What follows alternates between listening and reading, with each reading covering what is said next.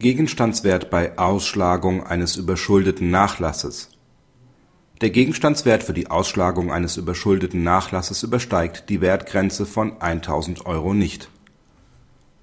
Es wurde Verfahrenskostenhilfe für die Ausschlagung einer Erbschaft bewilligt, der Geschäftswert wurde mit 1.000 Euro festgesetzt.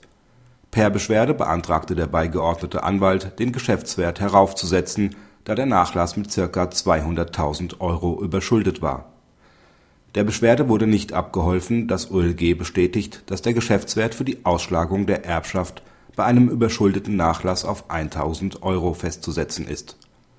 Auf die Höhe der Nachlassschulden kommt es nicht an. Der Geschäftswert richtet sich nach § 112 Absatz 2 Satz 1 Halbsatz 1 Kostenordnung. Bei Überschuldung des Nachlasses beträgt der Geschäftswert rechnerisch null, daher ist nur die Mindestgebühr anzusetzen.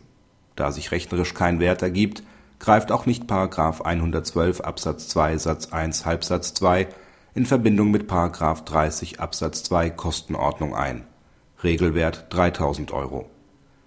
Insoweit ist für eine Schätzung des Geschäftswerts kein Raum.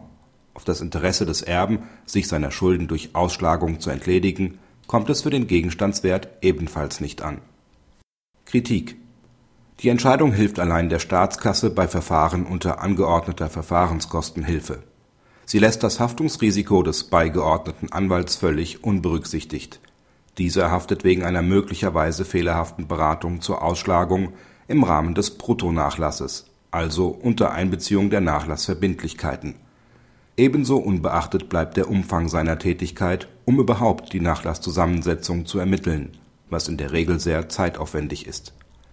Nach dieser Rechtsprechung muss sich der Anwalt, an den ein entsprechendes Mandat herangetragen wird schon aus haftungsrechtlichen Aspekten genauestens überlegen, ob er ein solches Mandat überhaupt annimmt.